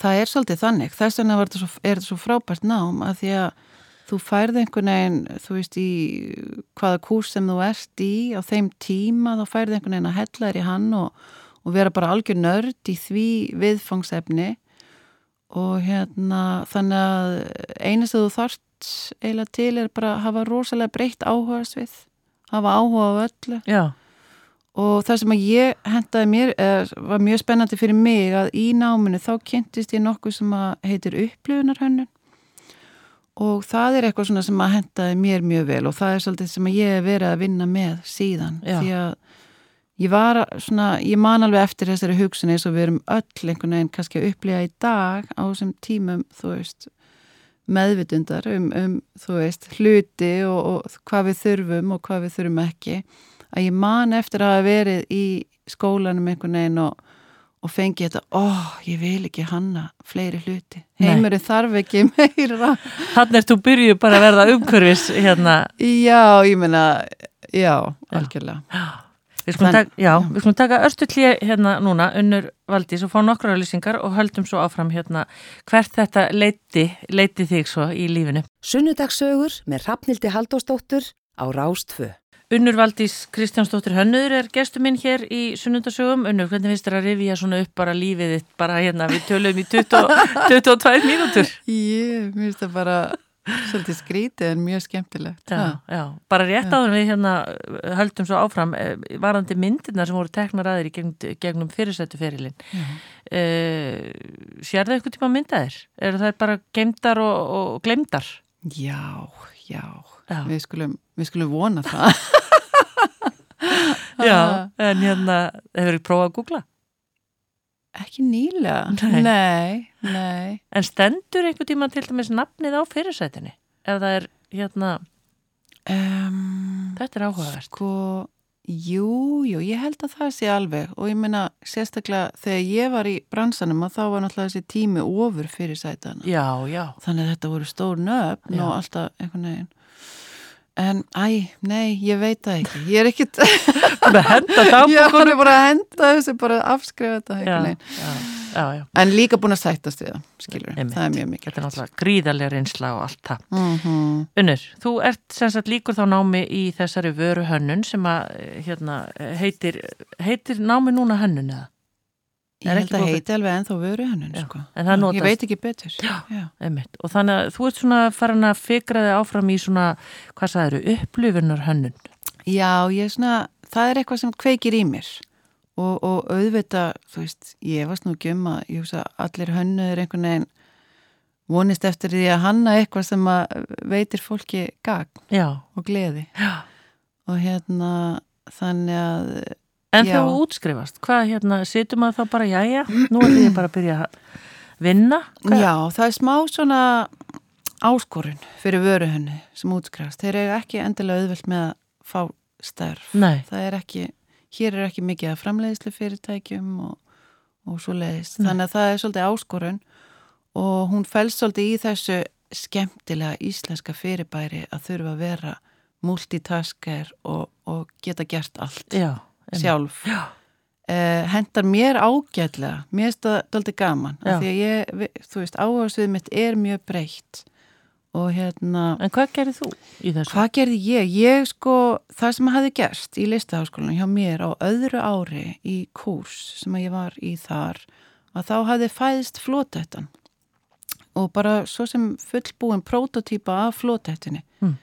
Hjá Eh, þér? Hjá mér, Já. já, Ég Hva- var hva- að vinna Hvernig með dættir það í hug? Við vorum í svona kurs sem að hétt uh, 105 sjálfbarni þar sem við fórum inn í fyrirtæki í postnúmerinu 105 nálagt skólanum okkar og skoðum möguleika á einmitt nýjum vörum hvað, hvað, hérna, hvað er hægt að koma með nýtt inn í þetta fyrirtæki. Þannig að bæði svona samblanda rannsókn og, og líka að, að hérna, skoða tækifæri, nýjar hugmyndir og vörur og ég eh, er eitthvað væplast þarna í nokkurnum fyrirtækjum í 105 og enda svo að vinna með Henson eh, já eh, framlega, sem er að framlega íþróttafatnað og slikt þannig að ég fyrir eitthvað já, hvað get ég komið hérna eitthvað tengt svona íþrótt eitthvað heilsu, eitthvað ég vissi ekki en svo blandast inn í bara einhver svona önnur persónlega hugmynd, mín einhvern veginn sem uh, ég hef alltaf verið mikið, mikið fyrir vatnið Já. eins og flestir Íslendingar einhvern veginn og á mitt uh, fallega daglega samband við sundlöðar uh, kannski hefur líka hjálpað til fjárvera frá landinu að upp á að hérna, upp, fa- skilja hérna lífsgæðin og, og verðmætin í að eiga þessar sundlöðar Já. á Íslandi Mjög margir sem tala um þetta. Emitt, algjörlega Já. Já. og hérna þannig að um, eitthvað sambland af því og líka svo kannski á þessum tíma að fara að vakna svo mikið hjá mér áhugi bara um and, bæta andlega heilsu maður er að sjá svona marga vera að keira sig í kaf og, og maður hugsa líka bara sem hönnur getur við ekki hannað einhvern veginn betra líf Já. fyrir okkur og hannað uppleganir sem að Mm. láta okkur líða betur Já, og flótettan af því að sko verandi sundkona, Mhm. hvernig hugsaður það? Ég meina, varstu vöna að láta þið fljóta í lauginu og fá vatnið inn í eirun eða hvernig? Sko, ég er náttúrulega algjörlega vun því að heimsækja lögarnar á hverjum degi og fer svona að upplega líka bara eftir að maður er kannski búin að taka sundsbreytin sinn að eiga kyrláta stund einhver staðar Mm. og sérstaklega þá náttúrulega ef að laugarnar eru rólegar og, og ég á svona upplegun að hafa verið einmitt að sko að glíma við að, að leita lausn að einhverju, einhverju sem var að flækjast fyrir mér og te, þú veist, gefst upp einhvern veginn, fer í sundi mitt, syndi, það er brjála veður einhvern veginn og svo leggst ég í barnalögina og leggst að baki og flýt einhvern veginn og næði sér í kyrð og ró og þá viti menn, þá kemur svarið. Lausnin. Þannig að þetta er einhvern veginn svona, þarna, þetta er svolítið líka svona fræið sem að kveikti á þessari um hugmyndum flótettuna. Já, og var hún þá, þegar þú hannar hana á þessum tíma, eins og hún er í dag? Prototípan er ekkert mjög ólík, þannig séð. Það hefur breyst efnin og hún hefur verið aðlöð til fjöldaframleiðslu og svo leiðis Já. og jú, jú. Uh, Það voru ekki komin þessi fótaflót sem eru núna að fylgja, nú er þetta bara svona sett flót þetta og, og fótaflót fyrir fætur. Hanna til að einhvern veginn láta eða sko að líka með liggi sem mest í vatninu.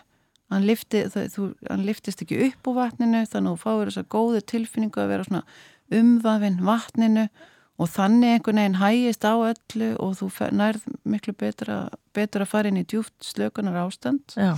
En framleitur þá, eða sem sagt, fór Hensson að búa til flótettur? Nei, nei, nei, nei, þeir hjálpuðu mér að gera þessa prototípu og, og, og svo bara lauk því Já. samstarfi. Já, Uh, en sko það sem að gerist að því ég útskrifast úr hérna listaháskólanum að þá er bara að býðu mín einhvern veginn pöntun í flótettur. Ég man ekki hvort það voru, þú veist, fimm eða sex en ég bara, ó já, þetta er alvöru.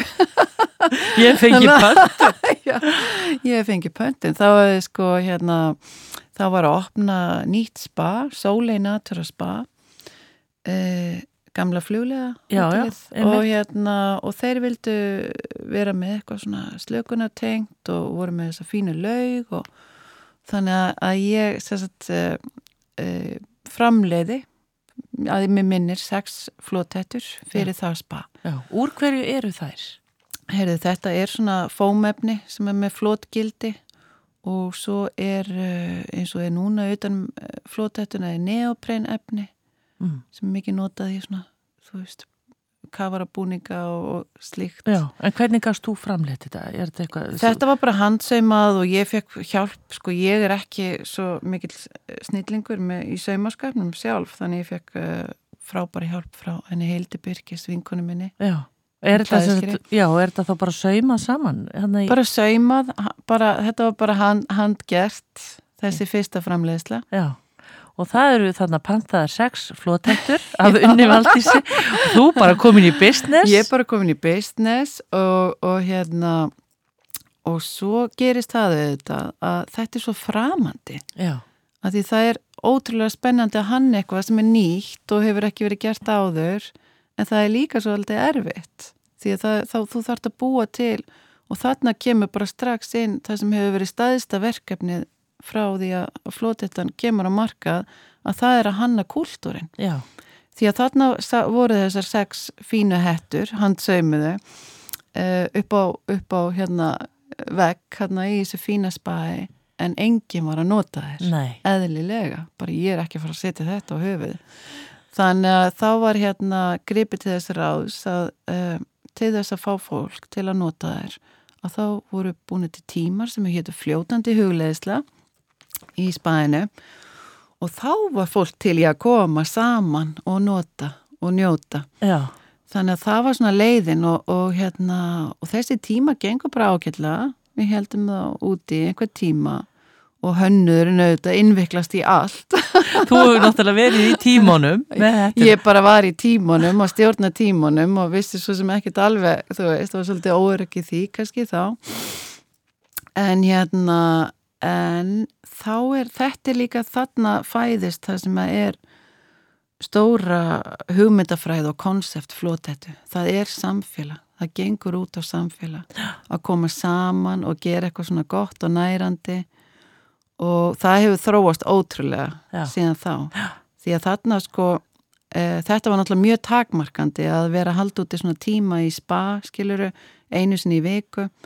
Þannig að ég fann það að mér langaði að komast út og ná til fólksins og komast út í almenningslögunar. Já, bara bóða fagnarinn. Bóða fagnaðar erindið og hérna og við byrjum sundlög fáum inni í sundlög Seltjarnanes og þá er hérna uh, Vestlunni Sistrasamlaði komið og þær komið inni í þetta, eru vinkonu mínar og komið svona inni í þetta svolítið og, og, og hjálpuðu til við að breyða út Og er, er, boðskapin. og er sundtættan eða flótættan þá að þróast eða heldur hún áfram að vera Hún er bara nokkuð svona, hún hefur ekkert breyst svo rosalega mikið.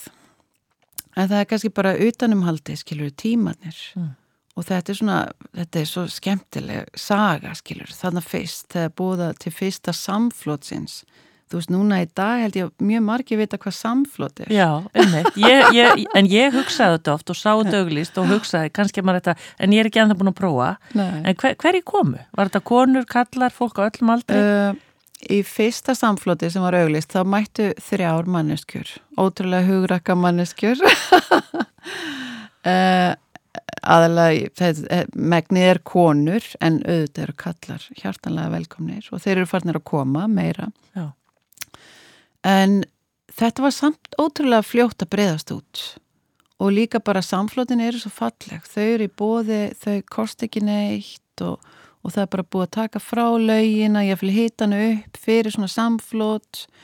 Uh, oftast einhver góð manneski sem er að halda utanum þau, þannig að ótrúlega fallegt fyrirbæri Já, og bara ótrúlega velsótt í flestum laugum. já. Og nú er bara fullt af fólki á Íslandi sem að á flótættu. fullt af fólki sem á flótettu og er að mæti í samflotin eða nota sína flótettu hvort sem það fer með það upp í, hérna, í bústæðin, í heitapottin eða svo er hægt að nota þetta sundlöðanar. Það er svona stór partur af deginu sem er mjög rólegu tími í laugunum og, og svona batnalögar og vaðlögar frábær staður til að fljóta, Já. slaka. En, en gengur hún bara svo útskýri fyrir okkur? Þetta er náttúrulega, er þetta ekki að hluta til til þess að vatni fari ekki inn í eirun? Nei, það er Ég nefnilega hef alltaf ekki- haldið það. Nei, já, það er alls ekki. Það er miskilningur að því að hún er engungu bara til að veita höfðinu flótstuðning. Að Já. halda því. En Þú vatni veist, fer samt ekki inn í Vatni, eirun? fe- þetta er ekki sko eins og sund þetta.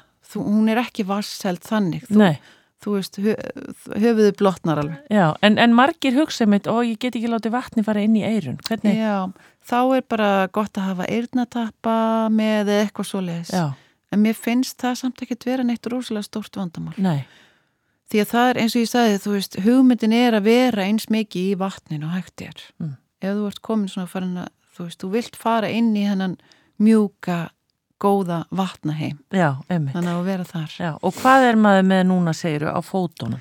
Já, við kallum það bara fótaflót, þetta eru o- o- ofur einfaldir svona strimlar, svona flótstuðningsgræjur sem þú setur utan um fætunar og ef þú ert með þetta þá ertu svona komið með hennan góða flótstuðning fyrir líkamann. Já, og svo bara svona tekur, tekur smá tíma farið við þröskuldin, sleppa takinu en svo bara svífið þú inn í þingdaleysi og slökun já.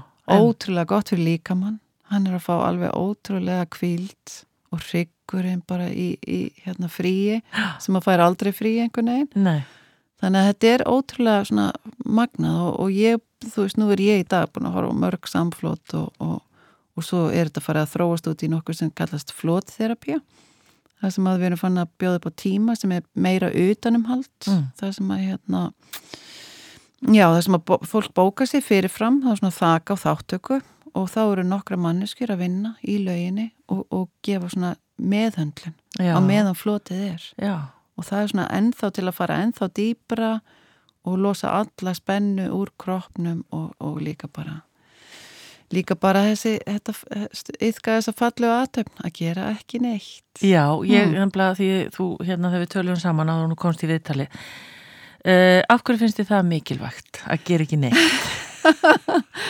mér finnst það ótrúlega fallegt einhvern veginn, bara svona eins og bara listform einhvern veginn Já, að því að ég bara fengi að kynast því að því að líka í öllu þessu bröl- brölti mínu með flotið og svona þú veist þá er ö- eðlilega áhugaðsvið mitt svona stækkað að því sem að tengist slökun og e, hugleðislu og eh, einhvern tíman að öllum á þessum tíma hef ég lært líka eh, jóka, að vera jókakennari Já. bæði kundalíni og jóka nýtra kennari og hef kent jóka nýtra svolítið mikið þannig ég fengi að sjá þess að töfra að leiða fólk inn í þetta slökunar ástand og svona non-doing að hérna hvað geta gerst miklu töfrar í því Já. og það, það er í þessu þegar við náum bara sambandi og erum, við erum alltaf að djöblast eitthvað og við erum svo gjörna að halda það að- til þess að ná einhverju þá þurfi einhverja aðtöfn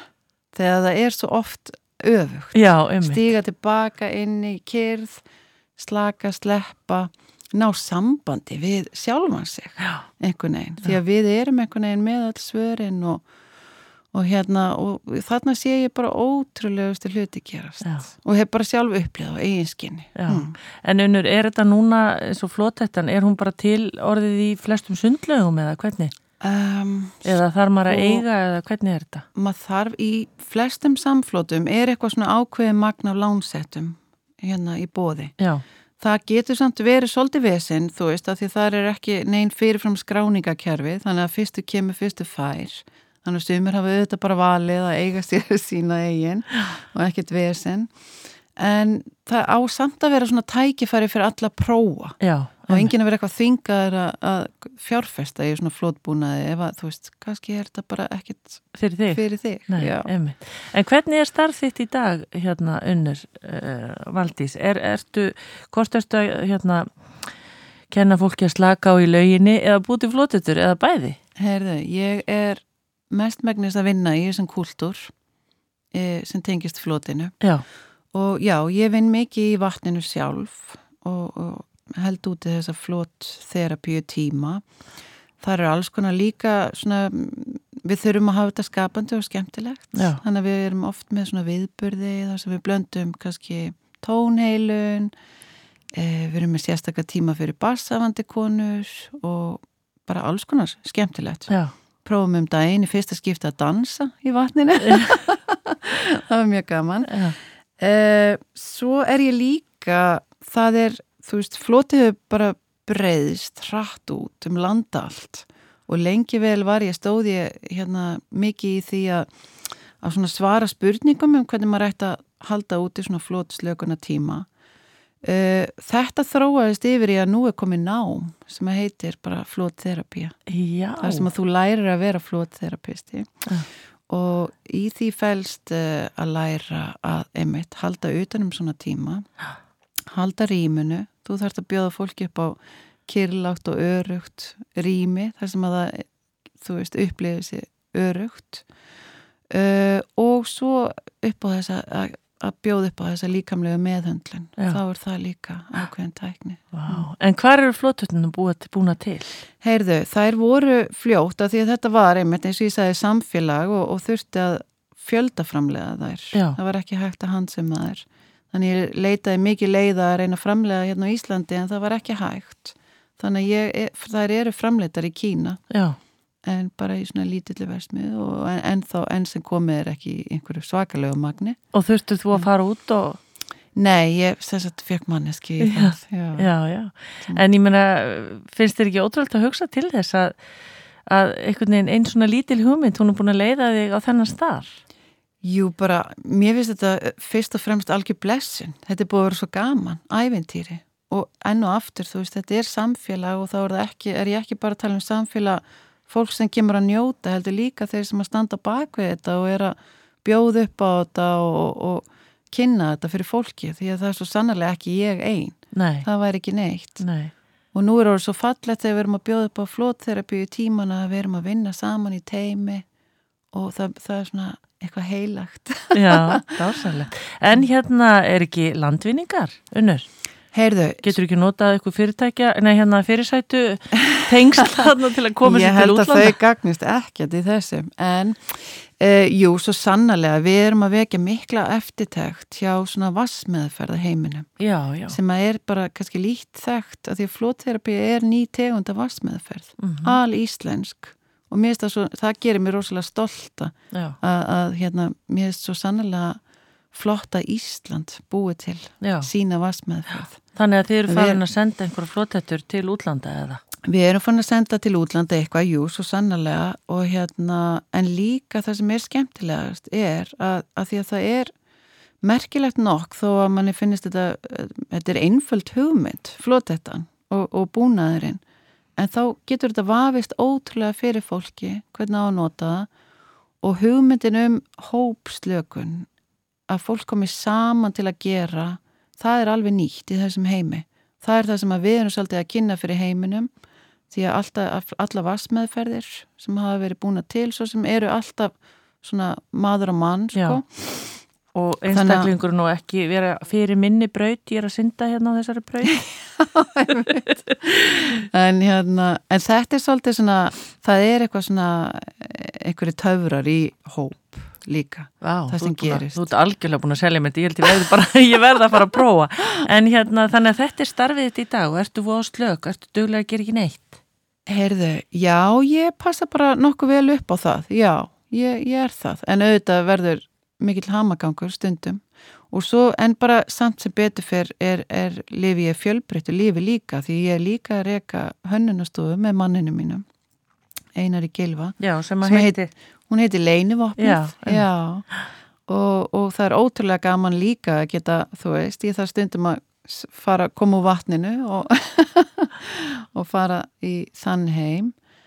Um, já, en sko flóterapíu námi, það er kannski það sem er að mest, nú, ég er mest upptekin af núna og það sem er svo gaman að það er að laða að sér fólk uh, hvaðina þið var að úr heiminum. En skemmtilegt -hmm. og Já. síðasta námskeiði fengum við fólk frá Bretlandi, Danmörku og allalegð frá Ástralju sem kom til Íslands að læra flótterapíu Já, hérna og svo þa þannig verður sko, þetta er svona sló verkefni og líka bara andi verkefni sinns Já. þannig að svo fer þetta flotta fólk til síns lands og kynir þetta fyrir Já. sínu fólki Eitt, ein loka spurning önnur, hérna, Valdís eh, þetta er pínu, þegar maður sér þetta í fyrstskipti þá er þetta pínu hallarislegt þessi flót þetta, Mhm. Aha, þú ert ekkit viðkvæm að heyra það alls ekki en, en það er það ekki eða þú veist, hættum að bara pæli í því eða, Sko, ég veit að fyrstu árin hérna var einhvern veginn svo mikið hleyja af flótettinu og eðlilega skilur þetta er, ég, ég skilur það fullkomlega en mér finnst það einhvern veginn búið í já, dag já, og svo finnst mér líka annar lærdómur sem að var mér einhvern veginn mjög stór og merkilegur að það var þegar ég var að byrja einhvern veginn að reyðja brautina þá skiptir svo miklu máli fyrir mig fólkið, hugrakka fólkið sem að koma og segja mér er alveg sama þó að ég líti eitthvað kjánalega út ég er bara hérna að, þú veist, að njóta og, og, og gera eitthvað gott fyrir Já. mig þannig að það þurfti, of, það kendi mér einhvern veginn, mér er alveg sama hvað öðrum finnst já, ég þurfti svolítið að læra það því ég hafði ekki alveg þetta hugur ekki sjálf nei einhvern veginn að Mm. fara einu sundlu með, með flótættu er það til í mörgu litum Það er alveg til nokkra típur, já, það er til nokkra típur, en ég menna að þetta er skrítið höfufatt, það, það breytir því ekkert, sko. nei, nei. Ha, Unnur Valdís uh, Kristjánsdóttir Hönnöður, takk fyrir komuna í sundasögur, takk fyrir mig. takk fyrir að segja mér söguna þína Takk, og mín var ánæg. gangið er vel Takk.